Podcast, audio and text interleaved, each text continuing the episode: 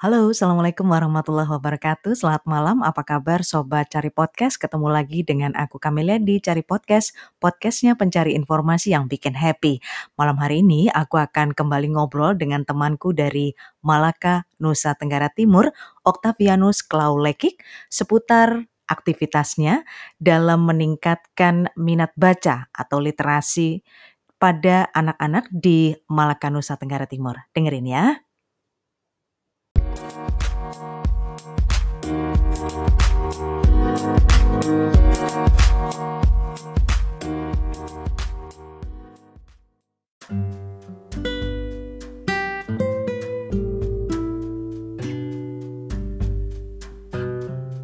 Obrolanku dengan Okto malam ini bukan semata-mata tentang aktivitasnya dalam meningkatkan minat baca ya, tetapi uh, lebih daripada itu yang membuat aku tertarik ngobrol dengan dia karena selepas masa perkuliahan bareng dengan Okto yang sebentar itu, aku ngelihat aktivitasnya di media sosial lebih banyak dihabiskan dengan aktivitas sosial ya, jadi literasi bagi anak-anak di Nusa Tenggara Timur.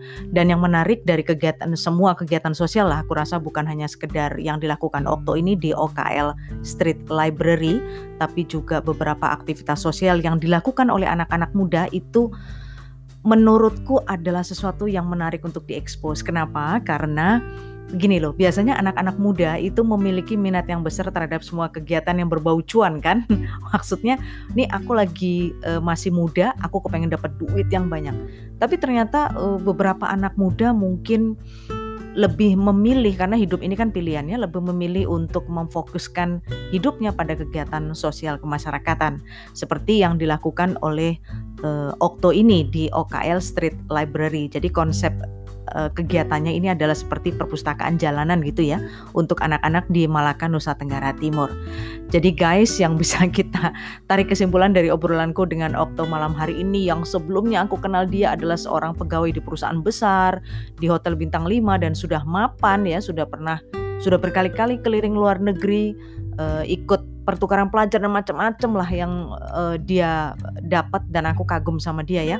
Tapi ternyata berujungnya pada kegiatan sosial. Aku penasaran sebenarnya dalam beberapa menit ini aku merasa aku belum mendapatkan jawaban atas pertanyaanku ini ya karena keterbatasan keterbatasan waktu ya dan e, memang stabilitas sinyal di NTT sana. Jadi eh, rekaman ini teman-teman aku lakukan secara jarak jauh. Ini adalah konsep podcast Kerehore yang diajarkan oleh The Podcasters Indonesia bahwa kita sebenarnya bisa melakukan podcast jarak jauh dengan cara merekam suara kita di WhatsApp kemudian dijawab oleh oleh uh, mereka yang menjadi narasumber kita nun jauh di sana.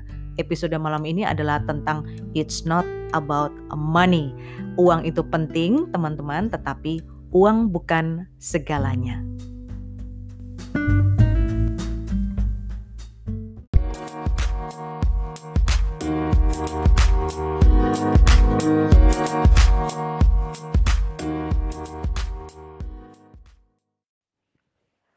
Halo Okto, apa kabar? Mudah-mudahan kamu sehat ya di sana. Tadi lihat uh, statusmu itu kamu lagi belanja sepatu. Emangnya Okto lagi ngapain sih? Selamat siang Bulia, selamat siang Indonesia, selamat Hari Kebangkitan Nasional Indonesia yang ke 2021 begitu. Mudah-mudahan dengan literasi Indonesia makin maju, Indonesia makin sejahtera seperti itu. Nah kalau kabar saya uh, baik dan terkait apa yang saya lakukan di story di salah satu toko sepatu, kebetulan uh, saya di sana sedang survei harga-harga sepatu terkait donasi yang kemarin di bencana banjir bandang itu ada donasi yang masuk dan memang kita buat support anak-anak uh, dan salah satunya adalah sepatu dan kaos kaki. Makanya kemarin ke kota buat nyari sepatu dan kaos kaki seperti itu. Waktu kalau aku lihat aktivitasmu abis kita nggak ketemu lama ya, kita udah abis lulusan itu kayaknya kita nggak pernah ketemu. Cuma aku sering me dalam tanda kutip memantau kamu di media sosial. Nah, belakangan ini memang medsosmu aktif dengan kegiatan sosial yang berseliweran gitu ya. Sebenarnya Okto nih ngapain sih di OKL Street Library? Barangkali bisa cerita ke sobat cari podcast apa sih OKL Street Library itu dan sebenarnya apa yang kamu lakukan di sana? Iya bener nih, Bulia kita tidak pernah ketemu ya habis udah wisuda seperti itu. Ketemu lagi setelah sosial media hadir dengan hal-hal yang berbeda gitu. Nah, kalau berbicara tentang konsep, eee, perpustakaan OKL Street Library, ini adalah salah satu konsep perpustakaan jalanan, eee, yang mana menjadi fenomena global. Dan, eee, hal ini seperti penjajaran buku-buku di depan umum atau di tempat-tempat keramaian seperti itu. Tentunya, eee, dari terkonsep dari hal ini, maka hadir nih OKL Street Library sebagai konsep perpustakaan jalanan yang pertama hadir di, eee, Tahak Dibunaruk, Desa Railor, Malaka, Nusa Tenggara Timur, seperti itu. Nah, kalau berbicara tentang literasi, ini menjadi eee, salah satu faktor penting untuk, eee, meningkatkan kualitas SDM sejak dini. Karena fakt eee, faktanya di lapangan seperti itu menunjukkan, eee, adalah minat baca di masyarakat tuh masih rendah. Kalau kita lihat di UNESCO di tahun 2012 seperti itu, minat baca Indonesia hanya 0,001, eee, persen dan itu pun sangat rendah.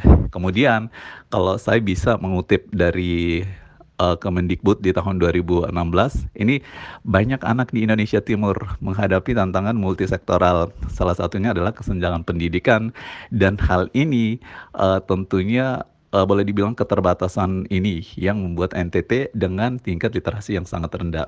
Dari sini, eee, contohnya, eee, bikin saya tergerak nih bikin sesuatu, apa ya, hadirlah OKL Street Library, seperti itu. Nah, ini banyak faktornya nih, kurangnya akses perpustakaan, eee, yang hadir di, eee, NTT seperti itu, kemudian juga ketersediaan buku-buku yang, eee, ada di masyarakat dan juga harga-harga buku yang tentunya semakin tinggi, seperti itu.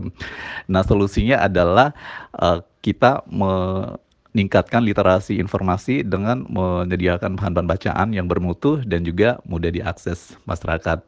Nah, kalau berbicara tentang OKL Street Library lebih lanjut, kita adalah, eee, berbasis, eee, literasi seperti itu adalah selain kita menyediakan buku-buku bacaan berkualitas untuk masyarakat, kita juga berinisiatif untuk bikin, eee, program-program edukatif untuk anak-anak seperti kita bikin kelas untuk kelas bahasa Inggris, kemudian juga kelas membaca dan juga menulis, kemudian kita bikin kelas, eee, menggambar dan mewarnai, dan juga kelas, eee, kreativitas seperti mendaur ulang limbah untuk hal-hal, eee, kreatif dan mengembangkan bakat anak sejak dini, seperti itu. Selain itu kita datangin juga nih atau kerjasama sama, eee, tim-tim yang memang pakar di bidangnya, yang profesional di bidangnya untuk membimbing dan juga sebagai fasilitator untuk membantu mencerdaskan anak-anak yang tentunya ada di OKL Street Library. Kurang lebih seperti itu ya. Nah, ini luar biasa nih sampai sejauh ini akhirnya kita bikin program yang, eee, bisa mencerdaskan anak-anak di NTT, yang mana kita ambil, eee, jalur dari daerah yang memang sangat terpencil dan salah satunya di Malaka, Nusa Tenggara Timur, seperti itu. Emang apa hubungannya tuh antara sepatu, kaos kaki, sama apa namanya, eee, literasi, eee, kebiasaan membaca buku itu? Kok kamu dari OKL Street Library ngapain ngurus sepatu sama kaos kaki? Eee, sebenarnya begini, eee, kalau, urusannya buat nyari sepatu, nyari kaos kaki, ini, eee, saling berkaitan seperti itu. Nah, saya ini sekarang sedang me apa ya, menemani begitu kurang lebih 100, eee, anak-anak yang bernaung di OKL Street Library. Dan kebetulan kemarin banjir bandang itu, eee, dari sekian banyak anak ini ternyata sepatunya, eee, dibawa banjir, kaos kakinya juga dibawa banjir. Nah, setelah itu kita survei nih di 100, eee, anak ini, ternyata yang dibutuhkan adalah selain buku-buku adalah sepatu dan juga kaos kaki. Nah, dari hasil inilah, eee, kita waktu cari donasi seperti itu, eee, datanglah donatur-donatur yang, eee, tentunya bisa memfasilitasi untuk menyediakan, eee, sepatu dan juga kaos kaki buat anak-anak ini. Dan akhirnya kemarin di kita survei di salah satu toko untuk apa mendistribusikan bukan mendistribusikan atau mengorder uh, sepatu dan juga kaos kaki untuk didistribusikan buat anak-anak di OKL Street Library seperti itu. Menarik banget sih tuh, uh, tahu kisah kamu kayak gini ya. Aku semakin tertarik karena ketika aku kenal kamu itu kamu adalah Eee, waktu kita masuk kuliah itu ya, kan aku taunya, ih Okto tuh udah kerja enak di perusahaan gede. Lah terus kenapa udah lulus S2 gini kok kamu malah, ya repot-repot gitu loh ngurusin anak-anak di Malaka sana. Sebenarnya apa sih yang mendasari kamu secara pribadi untuk kemudian terjun membantu anak-anak di Malaka sana, terutama membantu mereka untuk supaya mereka tuh suka membaca ya, eee, dan lain-lain itu. Apa tuh motivasinya? Artinya kan sorry ya, kalau kita bicara soal money ini kan nggak ada sama sekali, mungkin ya. Terus, eee, di mana sebenarnya unsur mungkin ada kepuasan tersendiri, eee, bisa melayani dan dekat dengan anak-anak di Malaka?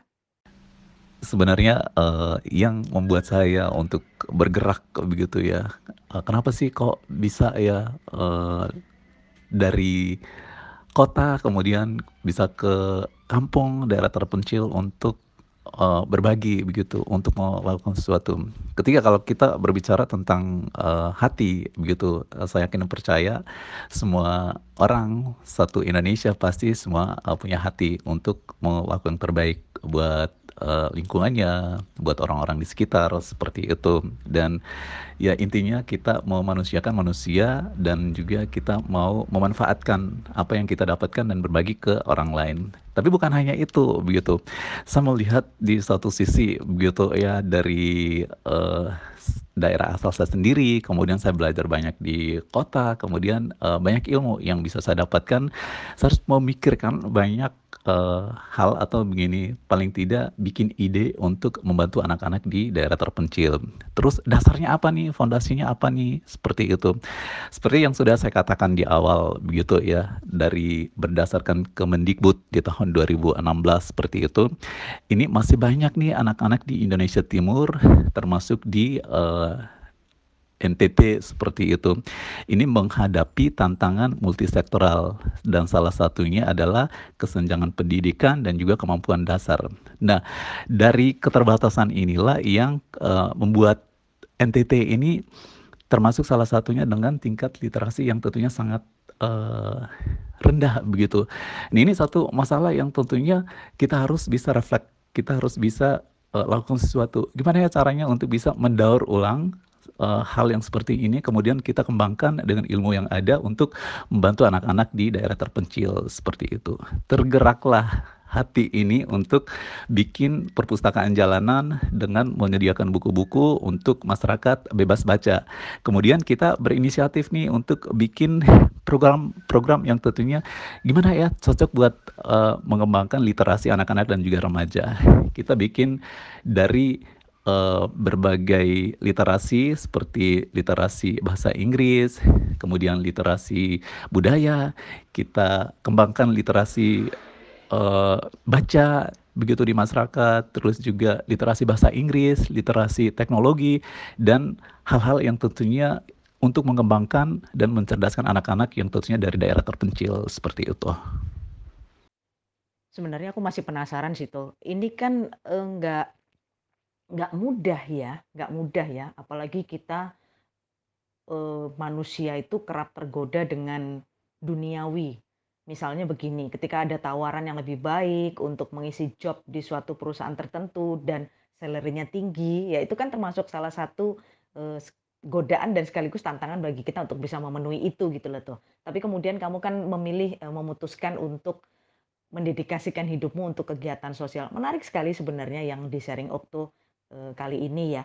Terus pertanyaanku, kamu dapat dana dari mana tuh? Ya sebenarnya ini bukan uh, pertanyaan pertama sih, banyak yang uh, bertanya seperti itu. Ini berat ya, terus lakukannya bagaimana ya? Terus uh, dananya bagaimana ya? Sebenarnya begini, ketika kita berbicara tentang uh, konsep literasi, itu berbicara tentang uh, bagaimana kita punya keterampilan, bagaimana kita bisa berbagi dengan orang lain begitu. Apa sih yang kita punya begitu ya? yang bisa saya katakan di sini adalah skill yang kita punya. Misalnya keterampilan menulis atau keterampilan uh, membaca atau misalnya keterampilan di public speaking begitu untuk kita bisa bagikan ke orang lain seperti itu. Nah, berbicara tentang literasi di lain sisi begitu, ini adalah kita berbicara tentang bagaimana sih aksinya kita. Ini adalah modal utama kita begitu ya. Bagaimana sih kita bisa berkolaborasi. Nah, literasi ini kan ada jaringan begitu, jaringan misalnya di Indonesia ini kan banyak begitu. Kemudian yang di dalamnya itu banyak pegiat-pegiat literasi yang memiliki keterampilan banyak sekali seperti itu dan kita adakan kolaborasi-kolaborasi begitu. Jadi uh, tidak membutuhkan uh, banyak dana untuk bisa apa namanya ber melakukan literasi ini seperti itu begitu. Dan poinnya seperti ini. Poinnya kita lakukan apa yang kita punya dan bagikan apa yang tentunya bermanfaat buat banyak orang. Hal kecil tapi bermanfaat positif buat banyak orang di sekitar kita seperti itu. Tuh kan, menarik banget kan kalimat pamungkasnya. Ini bukan masalah kita bisa ngasih berapa, tapi dari yang sedikit yang kita punya setidaknya ada yang bisa kita bagi. Jadi gini ya Sobat Cari Podcast, berbagi itu tidak akan pernah merugi. Karena dengan berbagi kita akan semakin kaya. Makasih ya Okto udah mau ngobrol sama aku. Sukses untuk kamu dan salam untuk teman-teman kita di Malaka. Dadah Okto, selamat siang. Terima kasih Bulia sudah bisa uh, bertanya-tanya tentunya di uh, Nusa Tenggara Timur terlebih di Malaka. Mudah-mudahan apa yang saya bagikan berguna juga bermanfaat untuk semangat anak-anak muda di Indonesia dan Indonesia maju, Indonesia sejahtera berbasis literasi. Sampai ketemu lagi.